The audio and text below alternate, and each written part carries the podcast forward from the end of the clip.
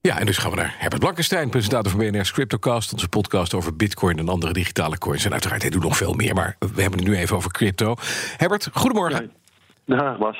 De man die zegt dat hij Satoshi Nakamoto is, de uitvinder van bitcoin, die eh, heeft het weer niet kunnen bewijzen.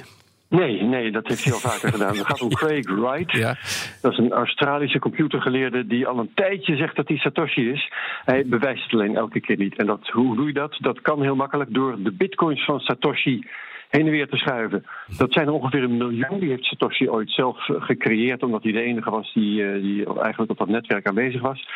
En die zijn nu, eh, ja, reken het maar uit, bij een koers van 8.500 dollar. 8,5 miljard dollar uit samen. Ja.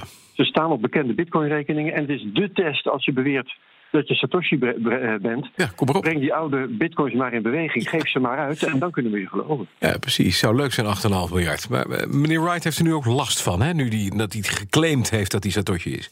Ja, nou, hij heeft namelijk ruzie met erfgenamen van een overleden zakenpartner.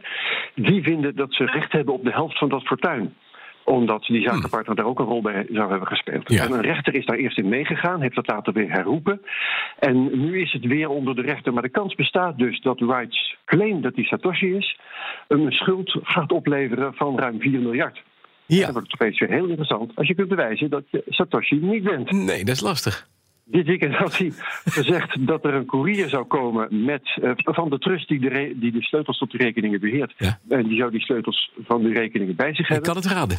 Geen maar courier. Precies. Wat er ook kwam, geen sleutels, wel een paar vage bitcoin-adressen waar de andere partijen nu op zitten studeren. En over een maand of drie gaat die zaak weer verder. Oh, die meneer Wright. Ik hoop dat hij gaat sparen. Dan, hackers hebben een Tesla opgetoverd tot een bitcoin-node. Dus een computer die bitcoin-transacties controleert. Maar dat gaat dus nu via de auto. Ja, dat uh, kan in elk geval wel. En dit, dit is echt hacken zoals het ooit bedoeld is. Hè. Technische dingen voor elkaar krijgen die niet kunnen. niemand voor mogelijk had gehouden. ja. En zonder dat het iemand kwaad doet. Mm -hmm. uh, het is gedaan door iets wat heet het Bitcoin-project. En dat is eigenlijk vrij simpel, want ze hadden al code die ervoor zorgt dat je een Bitcoin-node kunt draaien vanuit een gewone browser. Dus in Chrome, in Firefox of in Edge. En uh, ja, een Tesla heeft gewoon standaard een boordcomputer aan boord met een browser. Dus ze hoeft het alleen nog maar even te installeren. En dat is nu voor het eerst gedaan met de video en al. En het is gewoon dus wel een primeur. Ja, het kan dus. Is het aan te raden om gewoon met je Tesla inderdaad eh, te gaan rekenen aan bitcoins? Uh, nou, niet rijden in elk geval. Uh, het is op Twitter en op allerlei blogs al gezegd: dit is heel rekenintensief werk. Ja. En die computer die gaat dan mogelijk te weinig power overhouden voor essentiële dingen als navigatie of bijvoorbeeld autopilot. Ja. En allemaal van dat soort dingen. Dat is best lastig. Het is, ja, nee, precies. Dus dan kun je allerlei ongelukken verwachten, letterlijk. Hm. Het is ook geheugenintensief. En zo'n Tesla zit vol met moderne SSD-geheugens. Die kunnen maar een beperkt aantal keren heen en weer beschreven worden. Hm. Dus je vermindert de levensduur van je geheugens daarmee. Dat is dus ook niet aan te raden. Ja.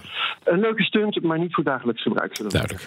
Dan, Herbert, tenslotte, morgen in de CryptoCast. Wat heb je op het programma? Een bitcoin-grootheid. De Belgische econoom Tuur de Meester. Hij gaat met ons praten vanuit Texas, waar hij woont.